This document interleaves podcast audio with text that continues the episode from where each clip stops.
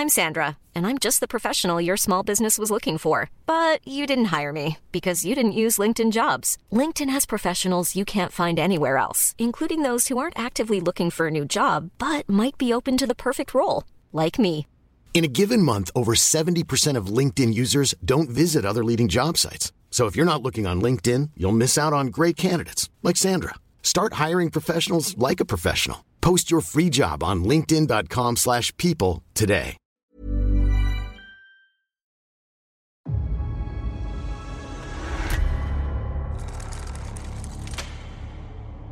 Beautiful, isn't it? It's really nice. You can hold it. What is it? It's a puzzle. And it's almost finished. Keep going. So if I solve it, do I get a prize? I do. Välkommen till skräckfilmscirkeln. Calling you all the way from hell i en helt ny konfiguration. Det har gått 35 år sedan kuben kedjade fast oss tillsammans med alla Xenobites här nere i helvetet. 2022 bjuder på ännu en remake av ett mästerverk från förr. Det är dags för oss att ta oss an Hellraiser. En ny färsk take på en riktig klassiker. Men innan vi startar med denna helvetiska fest så har jag ett meddelande. This is a spoiler warning. Alert. Spoiler alert. This is a spoiler warning. Alert. Spoiler alert. Hur är ditt helvete Fredrik? Det är ganska bra tack. Jag har sakteligen återhämtat mig här från någon form av influensa eller någonting. Så det har varit mitt personliga helvete just nu. Snuva och allmänt ynkedom här som man blir när man är förkyld man. Hur är det själv då Patrik? Ja, mitt helvete har varit en vecka med Captain Trips. ja, förlåt, eh, Corona som vi kallar det i Sverige. Jag lyckades faktiskt bli den sista i min släkt med att få sjukdomen.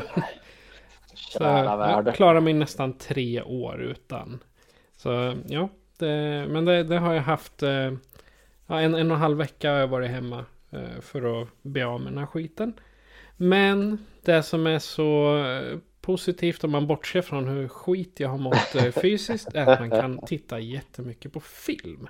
Mhm. Men jag tänkte att i vanlig ordning då om vi ska prata om något skoj vi har sett sen sist. Mhm. Så jag tänkte, jag låter dig börja för jag har tittat som fasen. Okej. Ja, men jag har tittat, men jag har också spelat en hel del. Eh, jag håller, jag är sån där när, jag gamer, jag vill ju slutföra spelen innan jag påbörjar ett nytt. Problemet är att jag gillar ju enormt storydrivna spel. Eh, och de tenderar ju att vara skitlånga och just nu så håller jag på att spela The Ghost of Tsushima. Ja, mums mums, ett jätteroligt samurai, väldigt inspirerat av Kurosawa. 1600-tal, det feodala Japan och mongolerna dyker upp och beter sig och det är man den sista överlevande samurajen här som ska försvara Tsushima där. Hej vad det går. Jag har väl huggit ner ungefär tusen mongolska soldater vid det här laget. Vad taskig du är. Ja, men de är ganska taskiga de också. Men de gjorde ju likadant. Ja. Mycket whataboutismen i det här spelet. Nej, men det, är ett, det är ett fantastiskt spel. Men som sagt, det har tagit mycket av min tid. Men eh, jag har sett lite jag också. Eh, jag, har slut, eh, jag har kollat en del på Star Trek här på sistone. Jag har kollat klart den här animerade serien The Lower Decks. Den här komediserien eh, om ja, de som befinner sig lite längre ner i, ja, i hierarkin där. De som svabbar golven, springer små ärendena. Man brukar inte få följa dem. Det brukar alltid vara kaptenen eller the first officer och säkerhetsansvariga och så vidare. Och så vidare. Ja, men det är, jag såg klart säsong tre där. Det var väldigt mysigt och då fick jag ett ryck här nu att börja se. Eh, ta mig an Discovery. Det var ju nystarten på Star Trek. Men eh, den har ju runt en hel del kritik utav gamla klassiska jag menar utav de klassiska Star Trek-fansen som växte upp med Next Generation och Deep Space Nine och det där. Att den så tonmässigt är så annorlunda. Eh, många har sagt liksom att det är väldigt snygg science fiction, men det är inte Star Trek. Man har liksom inte lyckats fånga den här filosofin för federationen i Star Trek. Alltså det är en utopi. Vi människor got our shit together. Vi har liksom löst eh, konflikterna. Vi har uh, gjort oss av med rasism, sexism, miljöförstöringar uh, och är liksom nu ute uh, på fantastiska äventyr där den liksom ska vidga kunskapsluckorna som finns, upptäcka universum och allt vad det är. Eh, och liksom, första lösningen på problem är allt som oftast inte eh, våld, utan vi ska försöka se om vi kan lösa det på andra sätt, liksom den diplomatiska vägen. Sen brukar det vara en jävla massa våld ändå. Men eh, kritiken mot Discovery var väl just den att det var snyggt, men de saknar det här Star Trek-känsla. Så jag har hållit mig ifrån att kolla på Discovery. För sen såg jag däremot när samma eh, distributörer där, CBS är det väl som gör de nya, gjorde de här Star Trek Picard. För Picard är ju general, eller kaptenen eh, från Next Generation och den växte ju jag upp med. Åh, oh, det var Star Trek. Så det kunde jag ju inte låta bli när han kom tillbaka igen där då och liksom spelade sin gamla paradroll. Och det är nog det sämsta Star Trek jag någonsin har sett. Det är så horribelt dåligt så jag vet inte vad jag ska ta vägen. Och det är inte dåligt för att skådespelet är dåligt eller eh, effekterna eller något sånt där, utan det är det slarvigaste manusförfattande jag någonsin har sett. Herre min ge, det är liksom det plot holes så stora man kan köra lastbilar genom dem. Vilket har gjort att jag liksom hållit mig ifrån Discovery under det längsta. Men nu har jag börjat titta på säsong ett utav Discovery. Bara för att bilda mig en uppfattning här. Eh, min egen uppfattning. Och det är ju, ja, det är ju inte så dåligt som Star Trek Picard. Eh, jag hade förväntat mig en större jävla dumpster fire till film eller till serie. Men det är inte så jävla illa som jag trodde att det skulle vara. Men jag ser fortfarande lite den här, ja ah, det fattas lite något, det här lite det här magiska myset som är gamla Star Trek. Men samtidigt måste någonting nytt komma in. Det finns tillräckligt mycket för att jag ska vara nöjd. Men fokuset är lite för mycket på krig, krig, krig. Uh, och det har inte riktigt, inte riktigt varit min... Mm, det här är inte så kul. Men det finns fyra säsonger. Jag är snart klar med säsong ett här. Den sägs bli bättre med tiden och det kan inte bli så dåligt som Star Trek Picard och det är inte så dåligt som Star Trek Picard. Så ja, hepp. Så det har jag tittat på. Men det har inte varit så mycket skräcknot av det här. Men eh, ett som jag påbörjat nu då som faktiskt är skräck. Det är ju på Netflix. Guillermo del Toros eh, Cabinets of Curiosity. Oh, här har vi mycket trevliga grejer. Den är på det min är lista. En... Jag har bara inte kommit ja, så långt än. den är väl värd att se och det, det är, jag tror det är åtta avsnitt alla är ungefär en timme långa, men det är, det är en antologiserie det här, så varje avsnitt eh, är avslutande, sin egen story. Eh, och den inleds alltid med att Guillermo del Toro eh, själv kommer in där och gör en Alfred Hitchcock. Han presenterar programmet eh, och säger lite kryptiska saker där och plockar fram något föremål ur det här kabinettet utav udda ting, of curiosities. Som då blir en liten hint över vad som komma skall i avsnittet. Och det är så här mörka, makabra avsnitt. Men med lite så här lätt sinne för humor. Och det är alltid en mörk jävla twist på slutet. Eh, och ja, men det, det, är väldigt mycket Tales from the Crypt. Fast mycket mer H.P. Lovecraft över det hela. Jag har sett fyra avsnitt så halva serien är avslutad och samtliga avsnitt har varit väldigt bra. Eh, så eh, Cabinet of Curiosities eh, är en riktig höjdare än så länge. Så ja, det är vad jag har sett och vad jag har spelat nu i dessa sjuka tider. ja, eh, jag hade ju min eh, första dag när eh, jag inte hade fått, när jag inte hade tagit det första testet än. Så hade jag en dag när jag totaldäckade och låg en hel dag. Sen på kvällen tog jag ju tester och då visade det sig att det var corona. Men i alla fall, då så tog jag fram två stycken gamla eh, filmer som jag återvänder till. Bland annat, jag kollade Paranormal Activity igen. Oh. Och jag kollade inte vilken som helst utan jag kollade först så kollade jag på Ghost Dimension. Där eh, man eh, flyttar in i ett hus och hittar en gammal kamera som är eh, fetingpimpad. Och det visar sig att den kan filma genom andra dimensioner och tider. Är, det var inte dåligt. Nej, den är underhållande men sen lite dum. Så. Är det den senaste filmen i serien där? Eller? Nej, den kom 2015. Eh, ah, sen, ja. Eh, och då har jag ju noterat att jag kände igen två av karaktärerna. Och det är ju Katie och Christy. De återvänder från The Marked Ones och Paranormal Activity 3 bakåt. Så två av karaktärerna är med för tredje gången i Ghost Dimension. Eh, så den tittar jag på och det var väl, ja, lite så här dumt. som, ungefär som de andra har varit också, men underhållande så.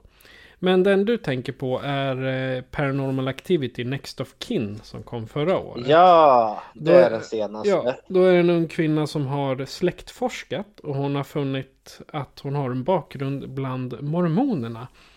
Och hennes mam för hennes mamma lämnade bort henne på en sjukhustrappa nämligen.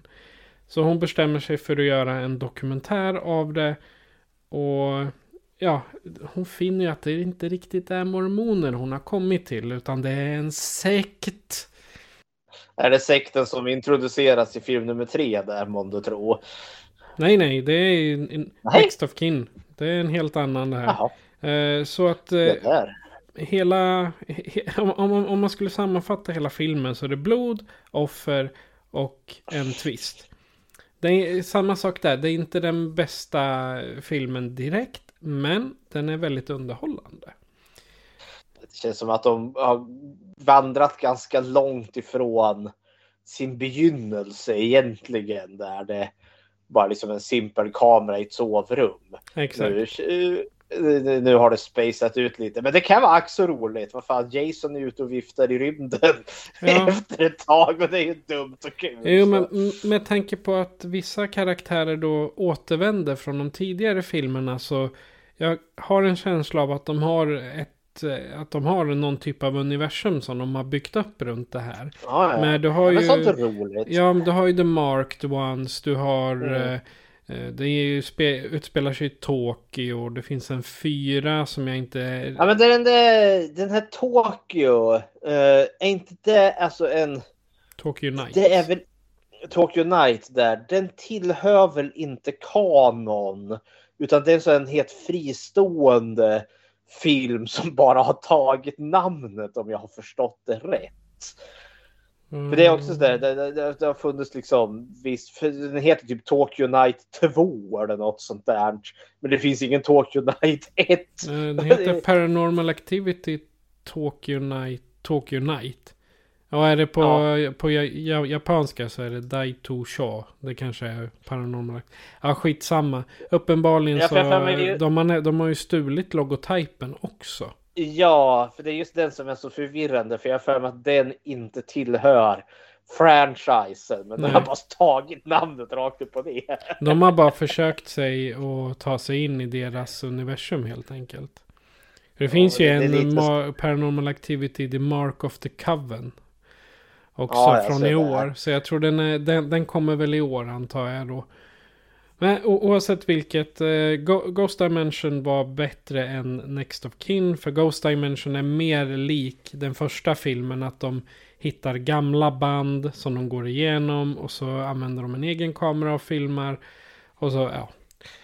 Nåväl, den, eh, den kukade ur lite på slutet. Det, det, det var synd. För hade man bara hållit sig till den lättsammare tonen som den har i, i början av den. Då hade den varit betydligt bättre. Då hade den inte varit så dum som den blir.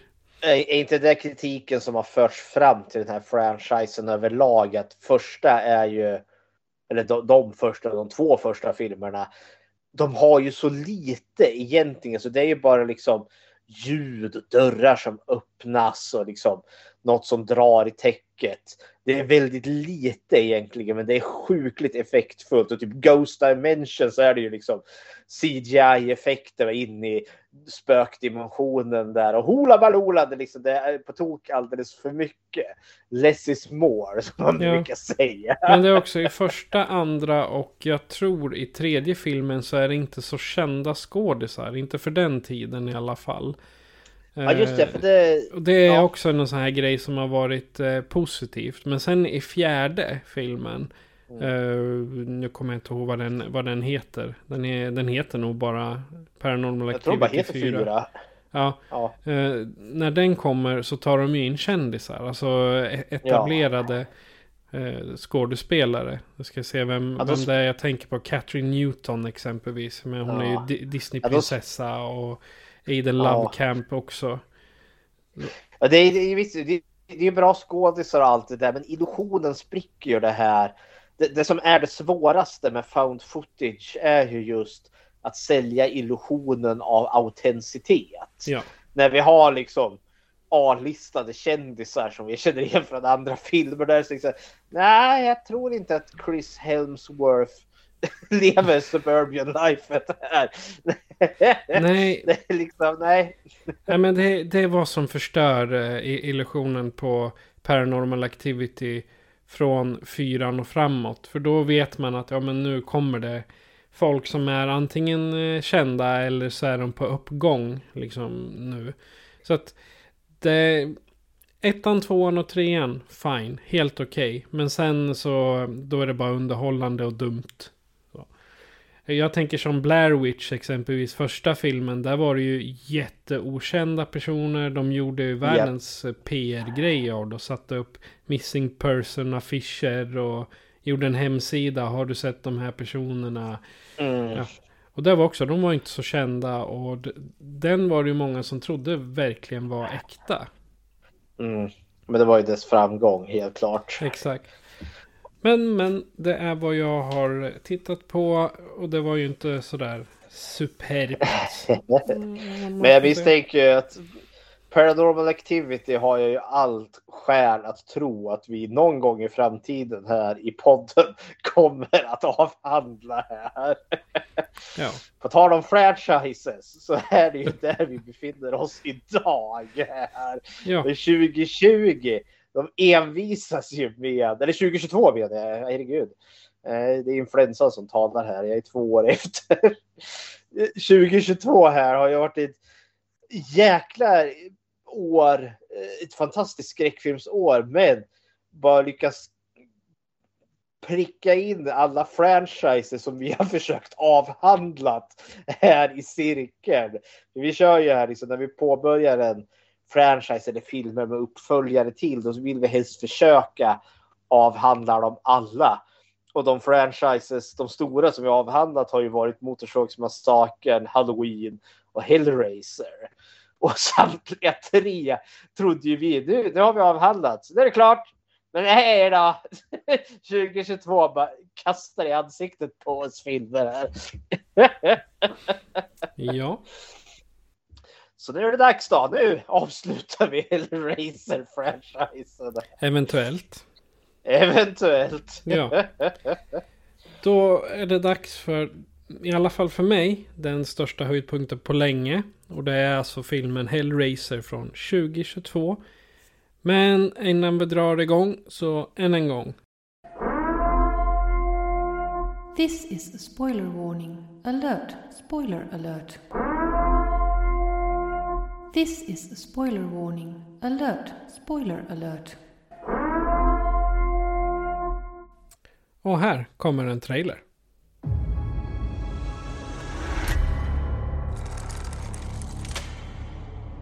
Beautiful, isn't it? It's really nice. You can hold it. What is it? It's a puzzle. And it's almost finished. Keep going. So if I solve it, do I get a prize? I do.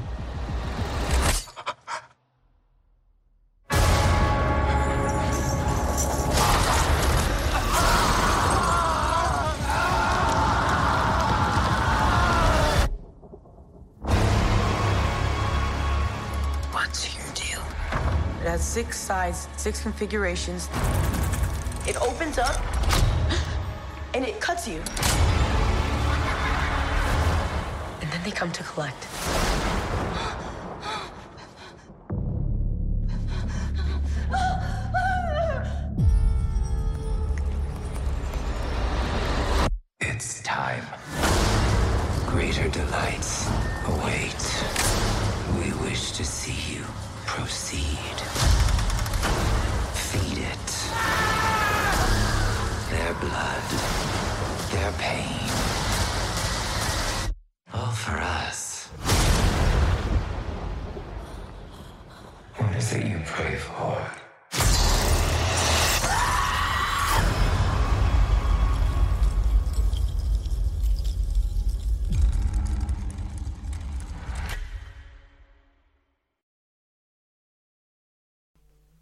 En ung kvinna tvingas konfrontera de sadistiska övernaturliga krafterna bakom en gåtfull pussellåda som är ansvarig för hennes brors försvinnande.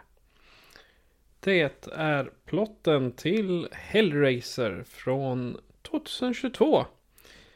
En ytterst utmärkt remake av filmen Hellraiser från 1987. Mhm. Kan, om du ger mig dina... Först så brukar jag fråga hur man kom i kontakt med filmen första gången. Men det går inte för den, den kom den 7 oktober. Och nu är det den 20 november. Så, är väldigt ny den här filmen. ja. Eh, vad såg du mest fram emot inför den här? Bara att den skulle dyka upp överlag. Eh, som sagt 2022 här har ju varit ett riktigt skräckfilmsår.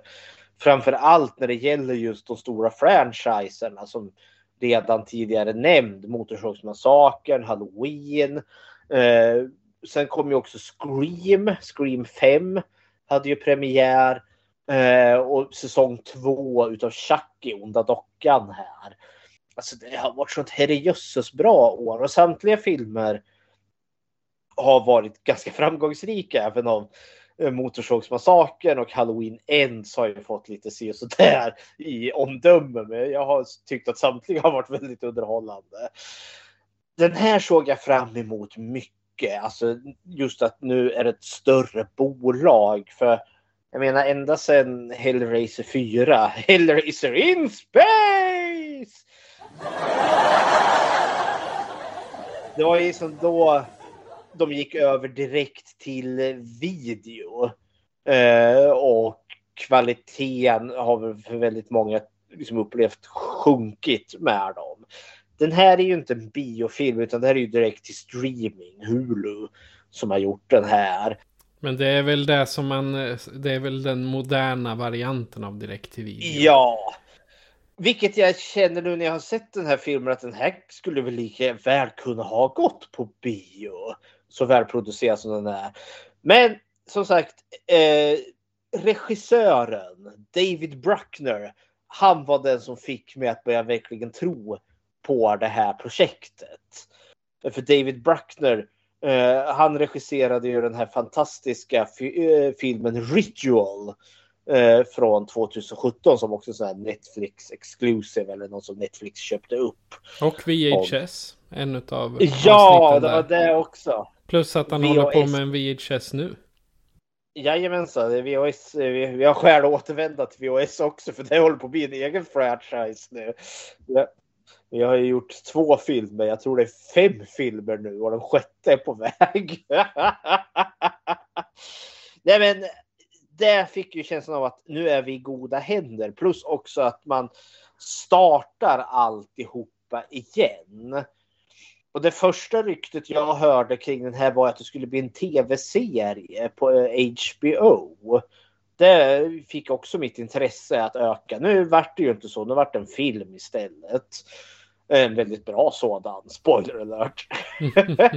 Nej, men liksom, det, det, har varit liksom mina förväntningar kring den här och nu när jag väl har sett den här eh, kan vi säga det redan nu av de här nya alltså skräckfilmsåret, franchisernas skräckfilmsår 2022 är eh, Hellraiser rebooten eh, onekligen där uppe på toppen. Eh, åtminstone av de tre som vi, ja, Motorsåg, Halloween Ends och Hellraiser. Ja, Hellraiser bara smackar ju ner Motorsåg och Halloween långt ner. Liksom det står huvud, axlar och nålar och kedjor längre än de filmerna. ja, vad, vad var dina liksom förväntningar inför rebooten utav Hellraiser? Jag var också inne på det här att det skulle bli en serie istället för mm. en film. Men jag är väldigt glad att det inte blev en serie. För eh, jag menar, ta som exempelvis Scream när de skulle försöka puffa upp den. Och gjorde två, två säsonger av en serie istället. Ja, det var tre till och med. Vart det tre? Ja, just det. Tre vart det. Ja. Och den var skit. Ja, eh, ja, alltså om man jämför med, med själva filmen så var ju den, det var bara en långdragen exakt version utav filmen. För den, den liksom, en person dog i varje avsnitt. Eh, och kvar blev den snygga blondinen. Så, och det, vilket är precis i alla andra slasherfilmer. Men ja, det... eh, Hellraiser som eh, de, att de avstod från att göra en serie av det. Det tycker jag är så jäkla bra. För jag vet när jag började titta på den här. Då vart jag tyst. För det är väldigt sällan jag sitter tyst under en film. Där jag brukar muttra något om att ja men vad fasen du är dum i huvudet eller någonting. Men den här filmen sa jag ingenting. När jag tittade på den. Då, då, då satt jag. Det var jag och en till som satt och kollade samtidigt. Men det var liksom. Vi, vi pratade inte. Sa inte ett ord. Så jäkla uppfångade var vi i Hellraiser eh, 2022. Och jag och menar. Också här ska jag höra till att det här är den längsta utav alla filmer. Den här är ju lite över två timmar lång. Ja, och jag, jag tror att anledningen till att de andra inte har varit någon... Det har ju varit alltså klassiska slasherfilmer rent utav fast med en, en demon som mördar alla istället. Men just den här så går man så mycket mer in i karaktärerna. Eh, i huvudrollen då, Riley. Man, man går så mycket mer in i hennes bakgrund och hur hon känner och liksom utvecklar henne som karaktär. Mycket mer än vad man har gjort i de andra filmerna. Med ta första filmen där han sitter och leker med pusselboxen och sen kommer någon tjej och ger honom blod och ja. Man, man får ju liksom bara se vad som händer för att han ska kunna komma tillbaka till liv. Det blir inte lika mycket att man eh, vet vad han är för typ av person eller hans bakgrund. Man, man får ju inte lika mycket information som man får i den här filmen. Nej, det, det, det är onekligen eh, ett annat fokus i det här. Jag menar, första är ju otäcka Frank och Julia där alltså, håller på för, för, han håller ju på rymmer från helvetet till den. Nej, men, eh, och Xenobitesen dyker ju mest bara upp lite där i slutet som en mm, surprise. Uh, nej, men, eh, det jag tycker att den här filmen gör. Du, du nämnde de andra, typ, liksom, ja, det var i stort sett bara slasherfilmer fast med demoner. Typ Hellworld, den åttonde. Väldigt mycket så, usch. Nej, men där den här filmen har lyckats hitta igen, det är den här Clive Barkers ton. Clive Barker är ju författaren till eh, ja, det här är ju en kort novell egentligen, The Hellbound Heart som den heter. Eh, och den tonen, den fanns onekligen i originalfilmen från 87, är väl den 87, 88 någon 87. gång. 87 och i uppföljaren, eh, film nummer två där. Sen försvann just hans ton. Jag upplever att den dyker upp lite igen i Inferno, den femte filmen. Men så skulle det dröja hela vägen till rebooten här 2022 innan jag verkligen känner att oh, nu är vi tillbaka i Clive Barkers mylla här utav just det här. Ja, men det, det är mycket trasiga karaktärer i Clive Barkers berättelser. Mycket liksom, och mycket liksom sexuell liksom längtan och lustan men också ganska skev. Alltså det är psykosexuellt. Lite smutsigt, lite jobbigt. Och det är onekligen vad den här filmen är. Och sen har de ju gått stenhårt in i, eh, alltså den här filmen är väl den mest homoerotiska av alla Hellraiser.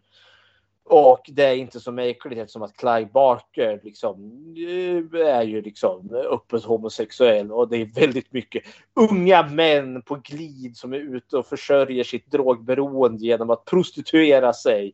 Och så hamnar de i en smisk-dungeon eller något sånt där.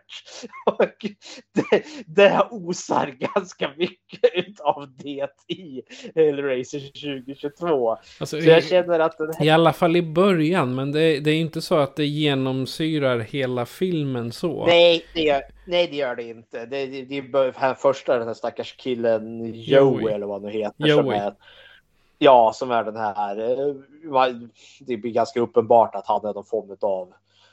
Ja, men eh, vad heter det? Trafficking. Alltså han, han har blivit köpt utav den här otäcka karaktären Voight. Ja. Eh, som ska vara hans lilla boytoy för kvällen där. Eh, och sen går det som det går. Kom, nej men eh, det- det jag skulle vilja lägga till här är att den sexualisering som finns, det är utav den manliga kroppen i den här. Vi får ju se Riley ha sex med sin pojkvän Trent där. Men det är honom vi får se naken i duschen sen. Och sen är det, vad heter det, Rileys pojk, eller hennes eh, bror och hans pojkvän som ligger nakna i sängen där och pratar med varandra. Så de som är nakna i den här filmen är män. Sen kanske Cenobitesen också är nakna, men jag vet inte riktigt vad som är kläder på dem eller inte i den här filmen. Ja, men majoriteten vill- av Cenobitesen är ju kvinnor så. Det. Ja, det är de också.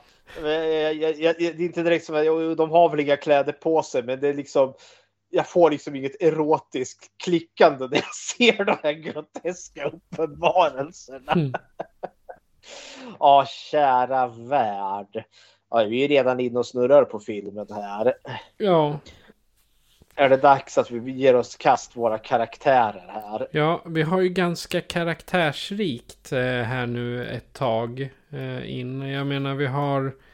Eh, om vi, vi... Jag tycker vi skjuter Cenobitesen till hotet. De har liksom det, ingenting. hör de hem, det Ja, hör de hemma. för då i sådana fall så har vi en, två, tre, fyra. Vi har ja, fyra centrala karaktärer. Det är Riley, Colin, Trevor, Matt och Nora. Eh, fem. Och sen Ja. Voight, men han kan vi också lägga under hotet tycker jag. Ja, jo, det, han dyker upp där sen. Ja. Men din take på Riley då? Eller Odessa Asayan? Ja, nej men hon är ju våran nya final girl här.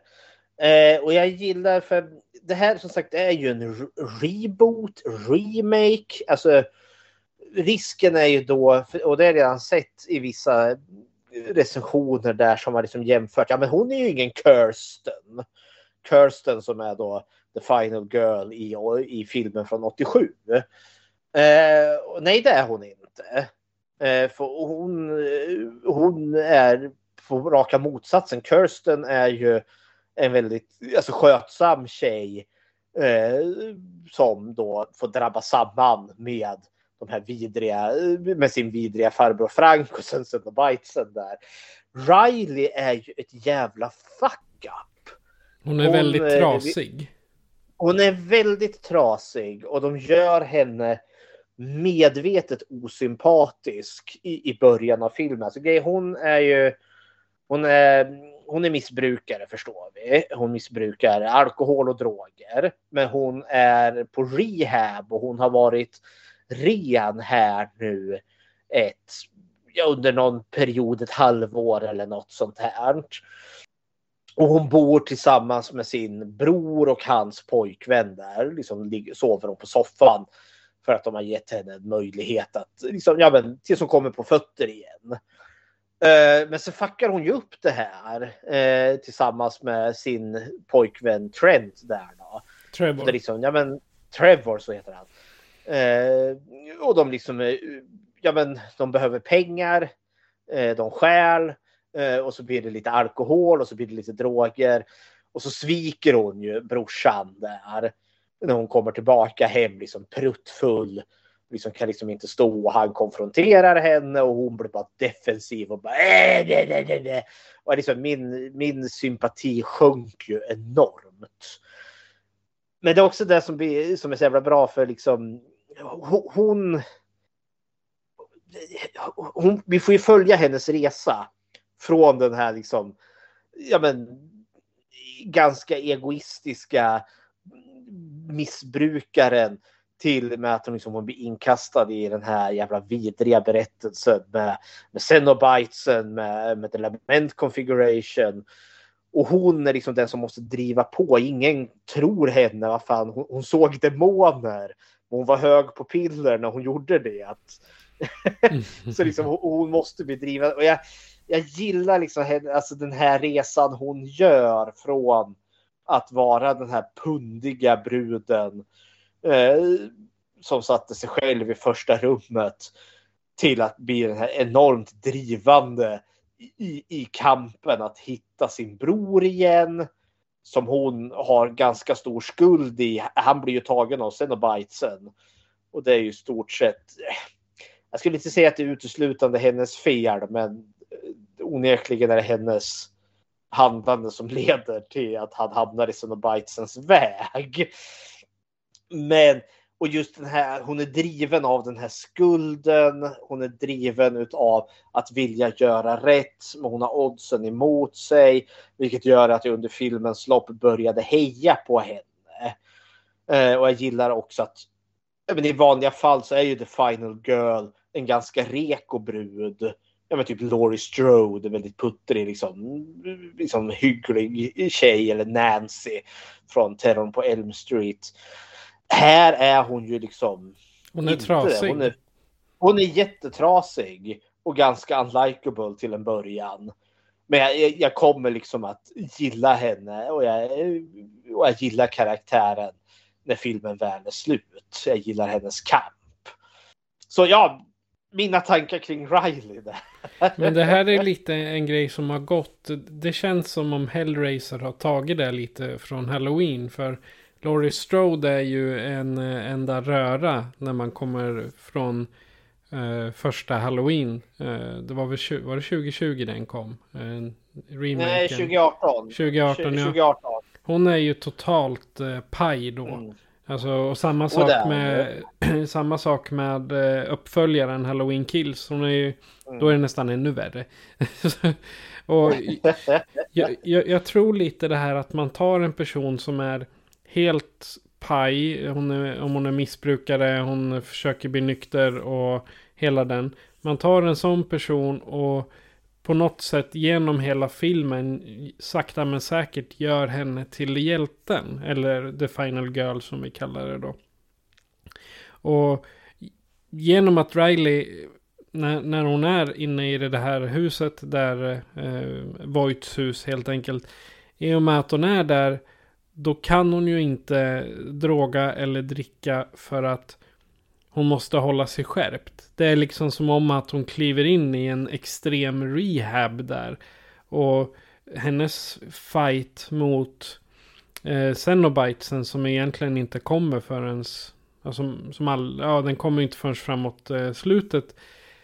Den fighten skulle jag nästan vilja säga är hennes final fight mot sitt beroende. Att eh, ja, det, hon... blir, det blir liksom en, en kombination. För jag menar, Cenobitesen tar ju de som har begått eh, ett... Eh, alltså har, har, har, begått en ogärning eller om de har... Eh, eh What's your pleasure? Du vet, alla de där. Folk, folk som är giriga och så vidare. Jag menar, det finns ju en orsak till att Voight eh, inte ser så bra ut i den här filmen. så det är samma sak med Joey. De tar ju honom också för att han vill ha, han vill ha pengar. Eller rikedom. Jo. Nej men det finns eh, hennes kamp här. Eh, jag, jag, jag, gillar eh, den här taken just att hon med, med rehab-biten. Alltså anledningen att hon hamnar i Cenobitesernas väg eh, är ju just för att hon inte är vid sina sinnens fulla bruk. Hon är liksom på en nedåtgående spiral, hon är missbrukare, hon är full och berusad och gör dåliga beslut, vilket gör då att pusselboxen kommer i hennes ägo. Det är det som ställer till det. Sättet hon lyckas överlista eller besegra, ja inom situationstecken besegra Cenobitesen. Det är ju inte genom någon form av liksom kamp, fysisk kamp och strid, utan det är ju liksom att nej, hon är klar i huvudet och låter sig inte alltså, luras utav Pinhead. Nej. Eh, där på slutet. Exakt hur, eh, eh exakt hur den, eh, hur den striden utspelar sig kan vi ju ta under hotet ja. sen då. Ja, nej, men det, det är en snygg liksom, utveckling till den här karaktären just. Och också en liten spegling på också som vi kan prata över hotet sen här. Alltså, som du sa i, i de tidigare filmerna så är ju mycket liksom att ja, Cenobitesen finns där. De lockar de onda och vidriga. Här upplever jag att Xenobitesen det finns ett annat tillvägagångssätt. De är fortfarande lockar vidriga människor, men det är mycket mer oskyldiga som hamnar i skottelden här än tidigare. Nej, men alltså tillbaka till Riley här, för det är den karaktären som egentligen har mest till sig. De andra karaktärerna har inte riktigt lika mycket liksom, karaktär till sig, även om de är trivsamma många av dem. Men Riley, just att hon får vara the final girl som är så jävla bruten, att hon är missbrukaren, pundaren. Och ändå så får det bli hon som blir hjälten.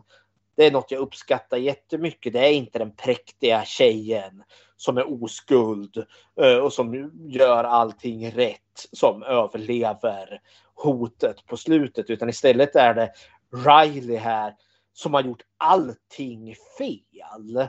Som i regel är den karaktären som straffas i filmen. Det är ju den som Jason lobbar huvudet av det som Michael liksom spetsar på väggen med kniven rakt igenom där blank. I regel brukar det väl vara typ den som dör först. Ja, eller liksom, liksom det, det, finns liksom som ett eh, underförstått att den här personen har orsakat sitt eget frånfälle genom att vara en dålig person. Här tycker jag att hon blir mer intressant just för att hon får göra den här resan från eh, den här pundaren Eh, till att liksom bli hjälten i berättelsen. Och det, det är mycket att ta i, men vi kommer ju kanske till slutet senare här.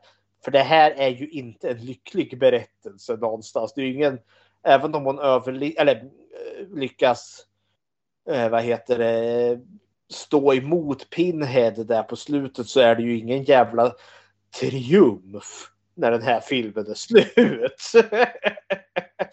men ja, nej, men jag, jag gillade Riley just för att jag fick göra den här resan från den här osympatiska människan som jag senare känner sympati för. Och jag, jag men, I'm all for it. Jag I'm all for the, the final girl, the final boy som har lite mer bagage, som inte behöver vara den här perfekta människan. Och som, som du sa Patrik, vi är ju redan lite inne på det, för Laurie Strode 2018 där i Halloween var ju synnerligen fucked up. och fortfarande var the final girl, så ja, hepp. Ja. Sen har vi... Eh, åh, vad hette han nu då? Colin. Det är hennes brors eh, pojkvän. Pojkvän? Eller Adam. Ja. Adam Faison vi- heter han i verkligheten. Vi kan väl slå ihop båda de karaktärerna och prata om dem samtidigt. Colin och Matt. Mm, ja, Eh. fast det är ju... Skillnaden här är ju att Matt försvinner ga- ganska tidigt. Colin är ju med genom... Till slutet. Jo, det, är- det är sant. Men då tar vi Matt först då, eftersom Ja, det låter med ännu bättre. Det är brorsan. Ja, brorsan. Ja, Brandon Flynn. Det- Ja, eh, återigen. Eh, jag gillar ju det här. Just att vi har. Eh, vad heter det? Manlig homosexualitet. I den här filmen. Vilket återigen känns väldigt liksom.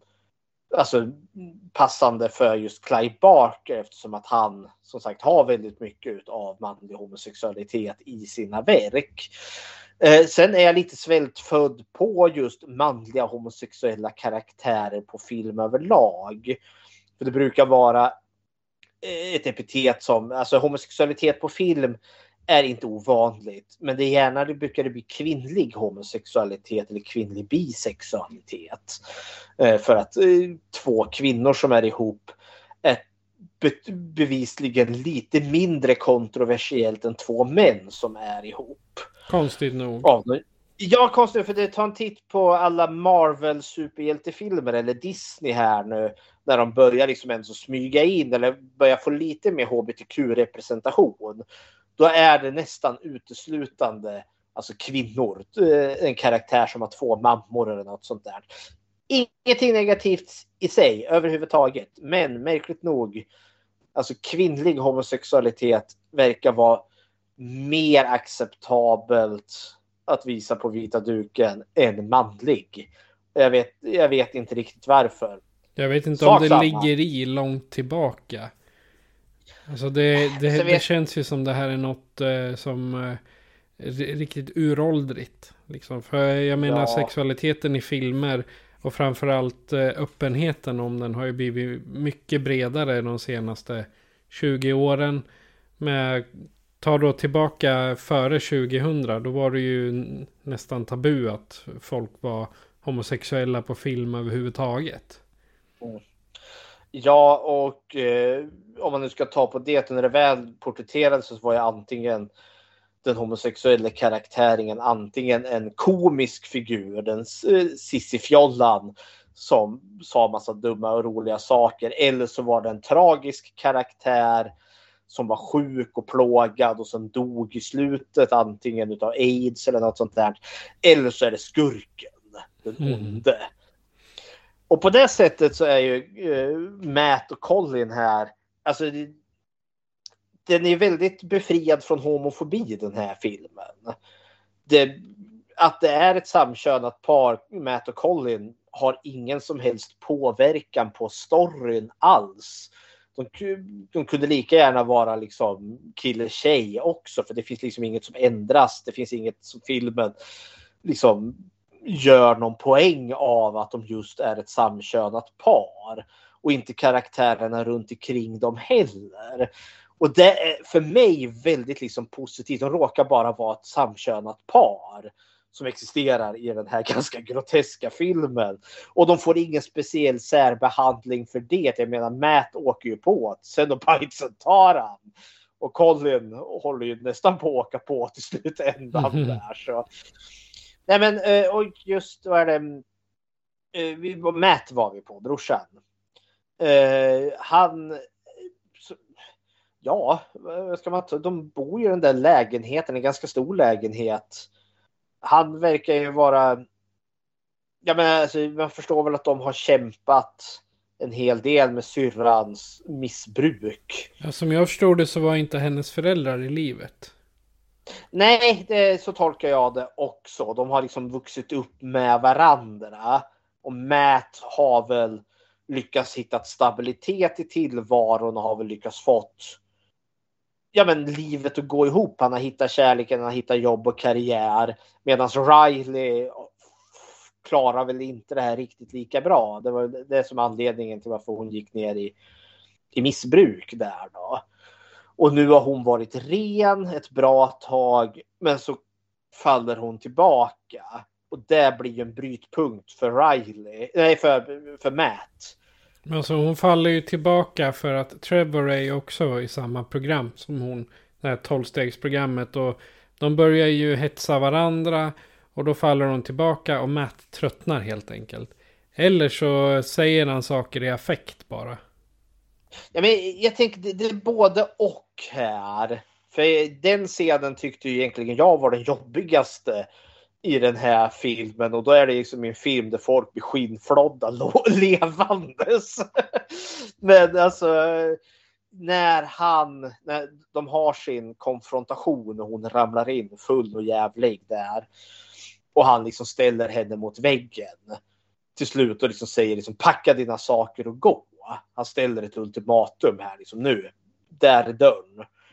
Uh, och nu är det på allvar. Man förstår att det här har de säkert gjort flera gånger förr. Men nu är nu, det här var droppen som fick bägaren att rinna över. Och just deras liksom arga konfrontation. De, de är i affekt båda två. Ja, men det gjorde ont. För man liksom ser ju, jag, jag, jag både förstår hans ilska och frustration. De har säkert hållit på med det här år ut och år in. Och nu har hon ju varit ren här och så torskar hon dit igen och nu ska vi göra den här jävla dansen igen. Eh, så eh, liksom, man både kan se hur han både älskar och hatar henne samtidigt. Det är liksom när han liksom den skriker på henne. Så eh, han har liksom en stor ilska. Men man ser ju också sorgen, liksom tårarna är inte långt borta därifrån. Så Åh, det var en jätteemotionell scen tyckte jag. Det har säkert varit tårar eh, hit och dit eftersom eh, han, han verkar vara den som har kämpat för att hon ska bli nykter eller vad man ska säga. Ja, och han, han är ju en schysst kille, för alltså han, eller en schysst brorsa där också. För han, efter det här stora utbrottet, hon dundrar ju iväg och så petar hon i sig lite tabletter och ligger och drängfull på, eh, på någon lekplats där sen. Han letar ju upp henne där. Så liksom, ja okej, okay, såklart att han bryr sig. Han vill inte att hon ska liksom dö i någon överdos på gatan. Han vill inte att hon ska bli hemlös. Och det är då han sticker sig på The Lament Configuration. Och så här långt in i filmen så har vi, ja, vi kommer väl till den sen också, men jag förstår att nej, nu kommer de och de kommer ta honom. Ja, det gjorde det ont i mig också. Och det var väl också där liksom då i, i relation till Riley, att just han som faktiskt är en sån jävla reko kille som försöker göra rätt, han drabbas, alltså han får ju, ja, han får ju plikta med livet på grund av hennes dumheter. Uh, ja, Kära värld. Mm. är det Colin då, pojkvännen sen? Ja, det tycker jag. Adam Faison. Jag vet inte hur man uttalar ja. det. Men... Vad tyckte du Colin? Han är en klok gubbe. Skulle jag säga. Han är ju, men han, han står lite på sidan om deras eh, stora dust mellan varandra. Och han är den som att, ja men han, han vill ditt bästa. Han säger si och han säger så. Det, du måste tänka på att det, han egentligen är, han är din bror. Han tycker om dig. Uh, ja. Han är egentligen den här som står utanför men kommer ändå med små glidningar eller åsikter. Om man säger så. Mm. Men han, är ju, han är ju den sansade där för att han är den tredje mannen. Som inte ja, han går liksom inte in i effekt utan han, han, kan vara stödjande för både Matt och Riley. Just där. Uh, jag gillade också Colin. Uh, men jag kände också så jäkla med honom när Matt väl har försvunnit. När Cenobitesen har tagit honom. Och liksom han måste förlita sig på Riley. Kom ihåg vad var det som hände där? Och hon kan ju liksom ingenting säga för hon var ju liksom hon vet varken ut eller in av vad hon såg eftersom att hon var stenhög på piller då. Och jag kan liksom bara känna den här ilskan och frustrationen och den här liksom förtvivlan eh, hos honom när han samtidigt inte vill förskjuta Riley. Eh, och samtidigt vill han ju också be henne bara dra åt hela jävla helvete. Vart är din bror? Vart är min pojkvän? Min, den människa jag älskar? Och hon liksom, den enda han har att vända sig till är hon och hon vet varken ut eller in. Så jag, jag menar, Riley får ju en stor skuld till Colin där. Och det som kommer att driva på. Men ja, annars så, ja. Vet, han är borta ganska mycket i handlingen. Sen kommer han ju tillbaka närmare slutet där då när de blir fast i den här herrgården. när Cenobitesen väl dyker upp och börjar terrorisera dem. Men jag, jag, gillar också för han försöker hela tiden, han är liksom det sunda förnuftet på något vis och vänster. Uh, han är liksom den stabila, den grundade medan Riley liksom är liksom kaos.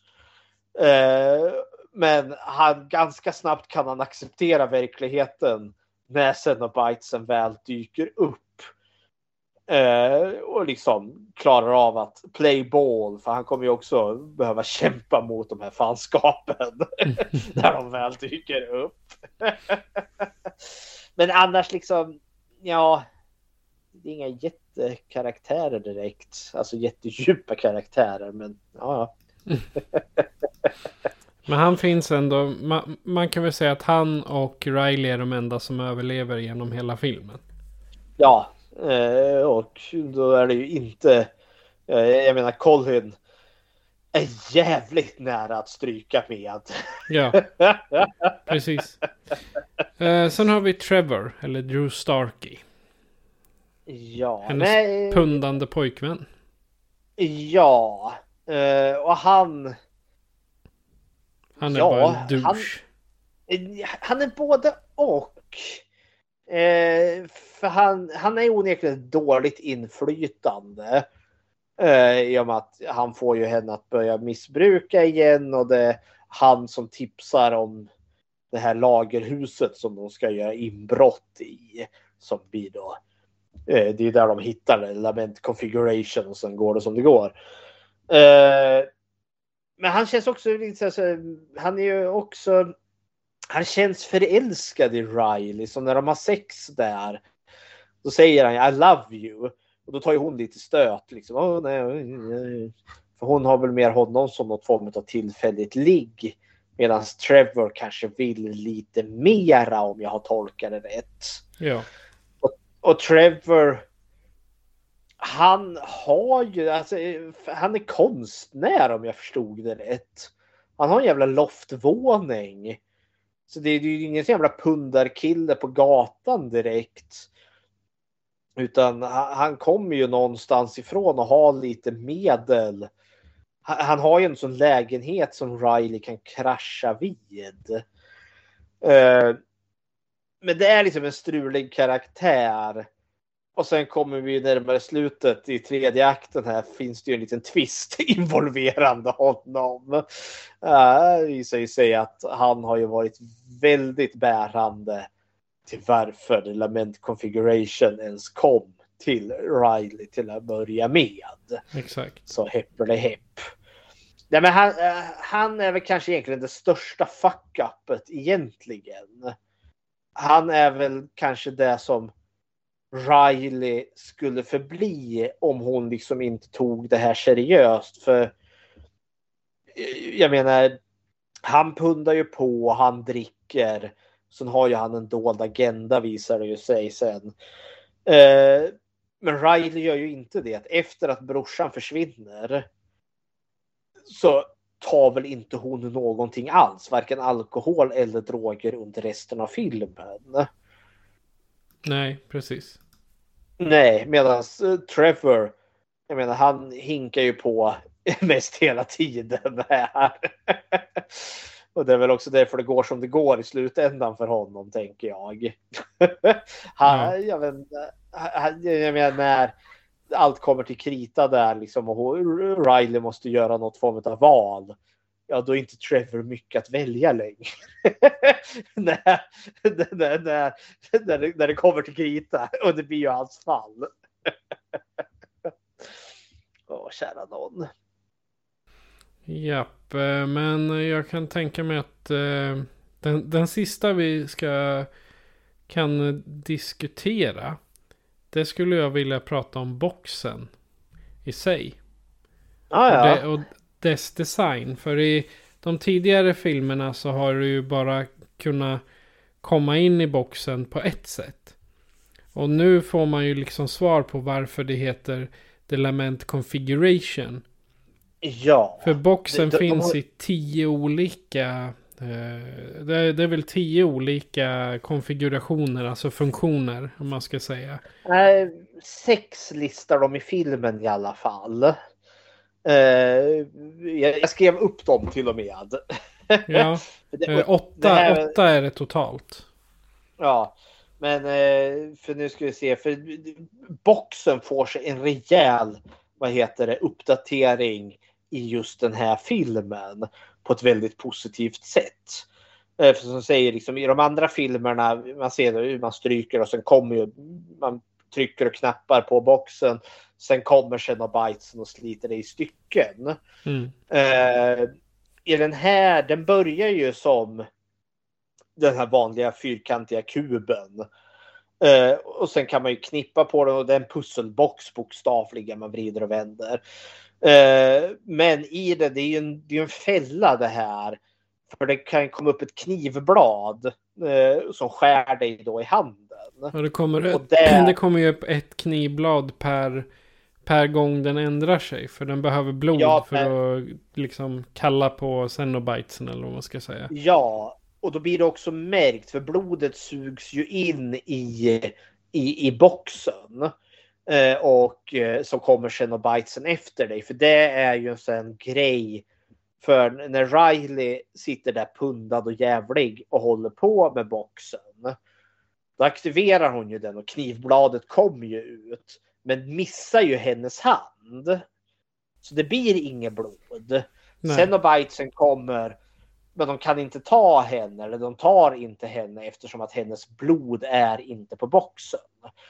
Det är då brorsan dyker upp där och hittar henne sönderpundad och han tar i boxen och så ser inte knivbladet. Och så blir ju han eh, träffad och blodet kommer på boxen och Xenobitesen tar han istället. Grejen är den att varje form som den här har eh, i, I filmen har den sex olika former eh, och när den kommer till den sista formen, den sjätte, då kan du sammankalla The, Le- The Leviathan, guden, och få då en gåva. Man kan kräva en gåva utav Xenobitesen. Men det krävs också att sex personer har offrats till boxen, en per, per form som den har. Fast när jag läser på, på nätet här då får jag upp till åtta former. Ja, men i filmen finns det bara sex. Det är Eh, bara var sex stycken åtta. som är med i, i filmen alltså. Ja, i konceptet fanns det säkert flera. Ja, åtta totalt. Eh, ja, för de som är då, det är då första Lament och det är då Life. Och det är den, eh, eh, när den är eh, som en fyrkant bara. Ja, det är den klassiska Hellraiser-boxen. och sen två är då Lore, Knowledge, kunskap. Tre är då laud, Laudentrant, Laudentrant och det är då Love, kärlek. Den fjärde är Lunial Sensation, alltså känsla, uppenbarelse. Fem är Lazarus, Resurrection, återuppståndelse. Och sex är då The Leviathan, Power, makt. Och det här blir ju plotpointen för hon vill ju för någon av de här sex kan de ju begära då från Xenobitesen. Och nummer fem, Lazarus, Resurrection.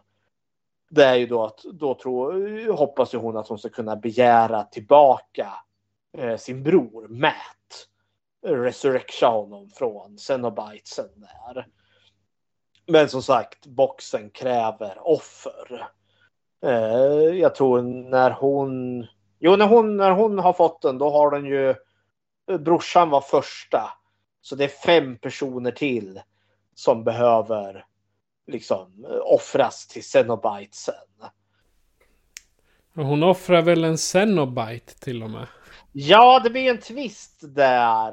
Eh, när de är i en knepig situation där, jagad av hand. Eh, hade Cenobite med tänderna som klapprar. Eh, och då finns det ju möjligheten där att hon kan hugga Trevor.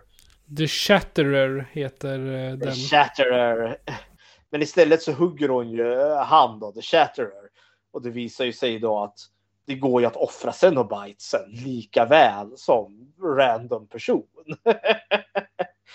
och grejen är också det, ja vi spoilar ju filmerna, hon offrar ju ingen oskyldig människa. I stort sett så är det ju alla andra som antingen av olycka eller utav illvilja som kommer att aktivera boxen.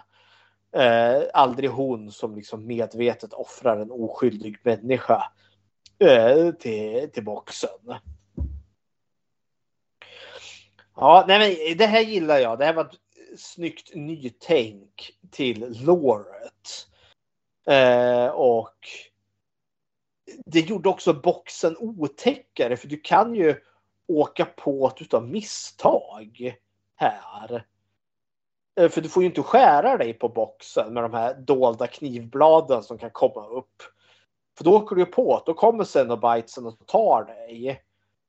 Eh, och sen vill du liksom då få det här eh, ja, gåvan. Ja, då måste du offra sex personer. Så det kräver ju en ganska omoralisk människa för att få, ja, lyckas få den här gåvan av dem. så det är liksom right up the alley här känns det som. Då så, det var alla snälla karaktärer kan vi säga. Plus den eh, halvsnälla boxen. Boxen är väl är ju inte riktigt ond, den blir vad du gör den till. Så kan man säga. Ja, den är ju en del av hotet såklart också. Men ja, ja. Ja. Ska vi gå in lite på platserna? Ja, jag, kan, kan vi säga att vi har två platser? Dels hemma hos Riley och sen det här eh, stora huset. Ja, Voights herrgård. Ja. Det är väl typ där eh, alla saker utspelar sig. Om man, man kan ju räkna in toaletten där eh, vid lekplatsen. Men jag menar där är de i 7-8 minuter och sen eh, kommer de hem igen och ja, de är hemma hos Trevor några minuter också. Och sen hos hon eh, Menaker, hennes, eh, på hennes äldreboende. Men annars utspelar sig majoriteten i huset. Ja, och vi går ju lite från, alltså från Rileys eh, lägenhet och den här sunkiga toaletten. Alltså vi befinner oss i, jag tänker rent klassperspektiv i den här filmen.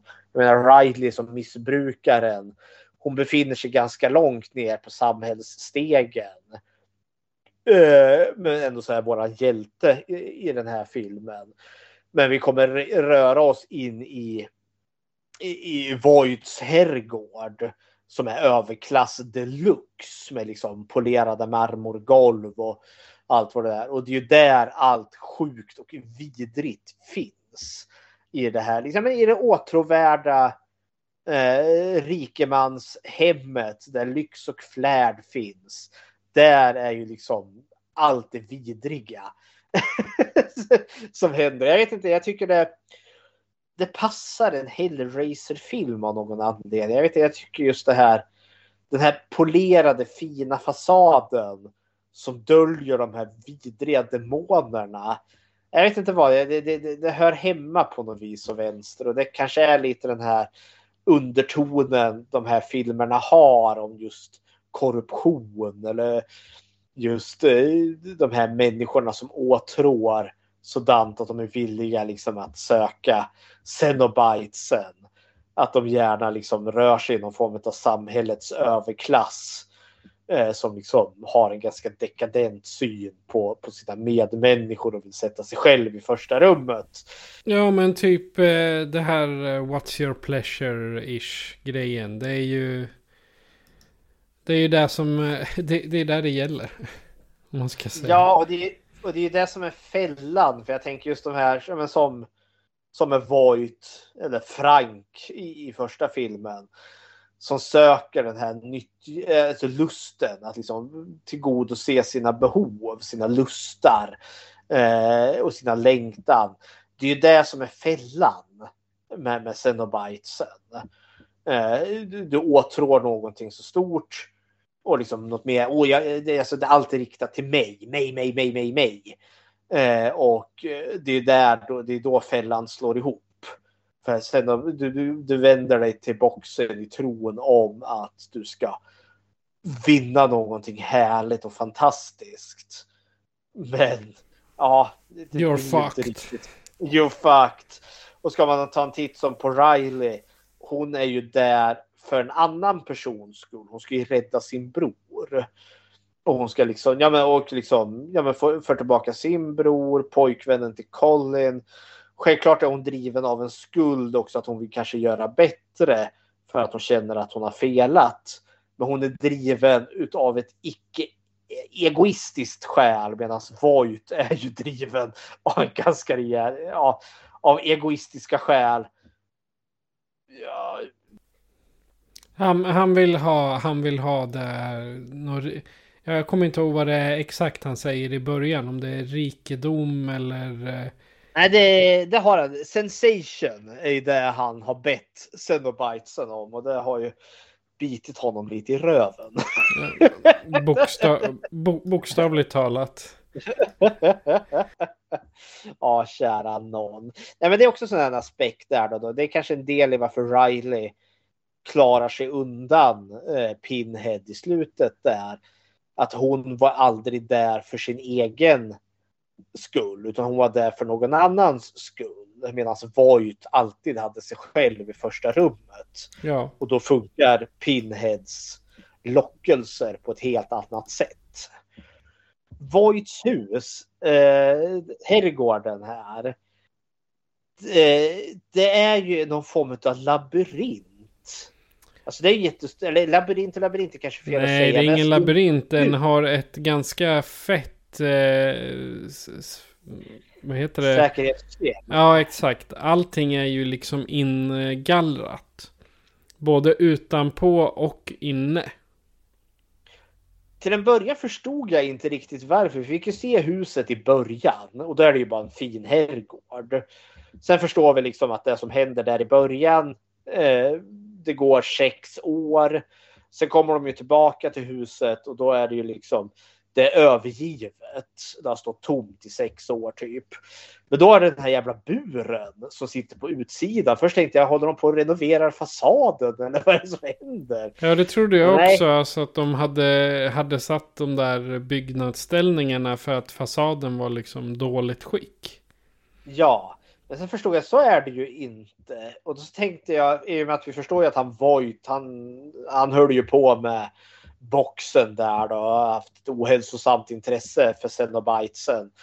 Alltså tänkte jag är det någon sån här grej som är med fjärde filmen där vi har den här byggnaden som ser ut ungefär som boxen?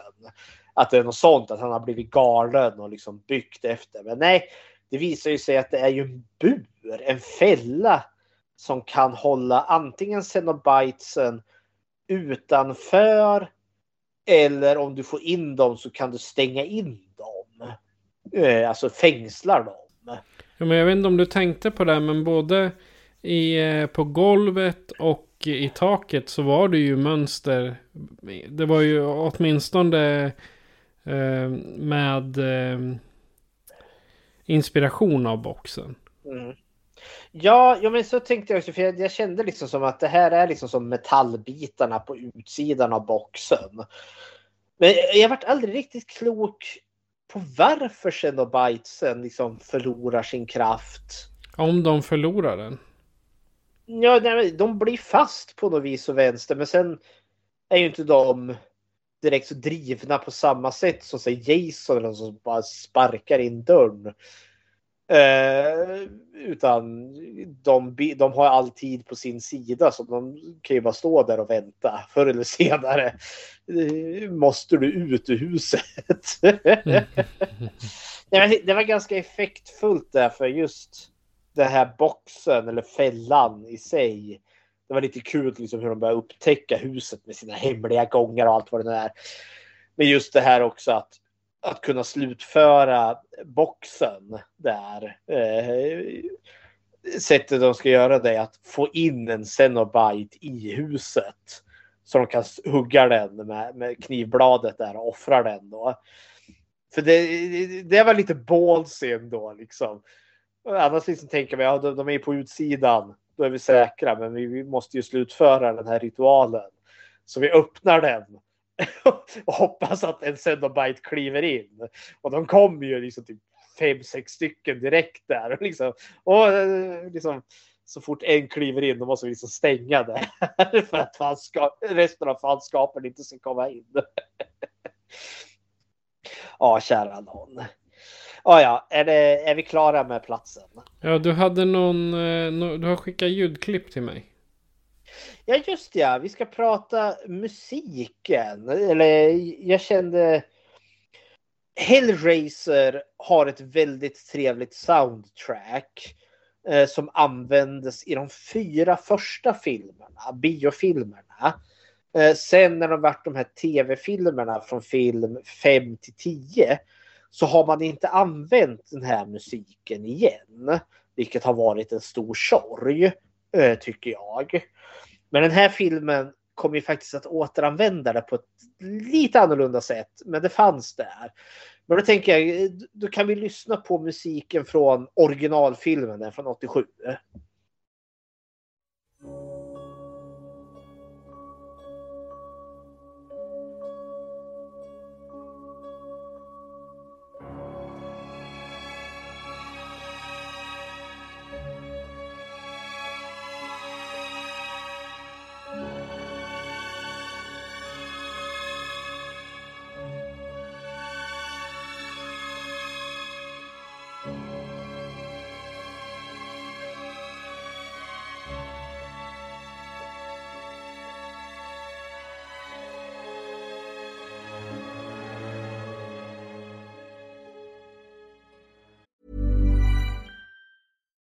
If you're looking for plump lips that last, you need to know about Juvederm lip fillers. With Juvederm Volbella XC and Juvederm Ultra XC, your lip look, whether it's subtle or bold, can last up to one full year with optimal treatment and no additional maintenance. Find a licensed specialist and see if it's right for you at juvederm.com today. That's J U V E D E R M.com. Add fullness to lips in adults over 21 with Juvederm Volbella XC or Juvederm Ultra XC. Do not use if you have severe allergies or a history of severe allergic reactions, or if you're allergic to lidocaine or the proteins used in Juvederm. Tell your doctor if you have a history of scarring or taking medicines that decrease the body's immune response or that can prolong bleeding. Common side effects include injection site redness, swelling, pain, tenderness, firmness, lumps, bumps, bruising, discoloration, or itching. As with all fillers, there's a rare risk of unintentional injection into a blood vessel, which can cause vision abnormalities, blindness, stroke, temporary scabs, or scarring.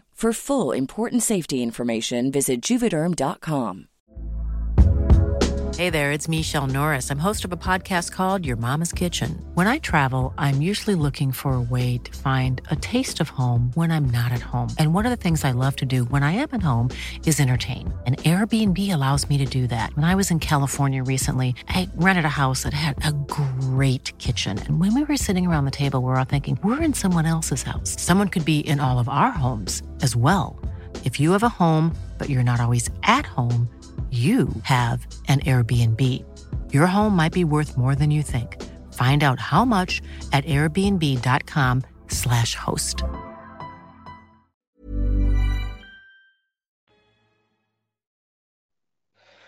Oh, Det är så härligt den där musiken. Ja, men det är, vi, har, vi har ju avhandlat Halloween-filmerna och de har ju sitt soundtrack som har återanvänts i alla filmer och Hellraiser har haft sitt som inte har återvänts i alla filmer. Vilket jag tycker har varit jävligt tråkigt för det är ett jävligt bra soundtrack ändå. Och eh, den här filmen använde inte det här direkt utan jag, man, man liksom hör, det, det, det har sitt eget soundtrack. Men så kom det liksom vissa toner genom filmen. Så, var det där originalet? Liksom, det var en liten hint om det. Och mycket riktigt i slutet när liksom den stora finalen kommer då kickar den här musiken in för första gången på riktigt. Och det, då, då fick jag lite nackhåret reste sig. Och så var jag tvungen att liksom leta upp soundtracket till den här och liksom se att ja, de har ju mycket riktigt gjort sitt. Men jag tänker vi ska lyssna på eh, den här nya 2022 också. Som har, eh, det är inte exakt samma men det finns där. Eh, men ja, Hepp, kör!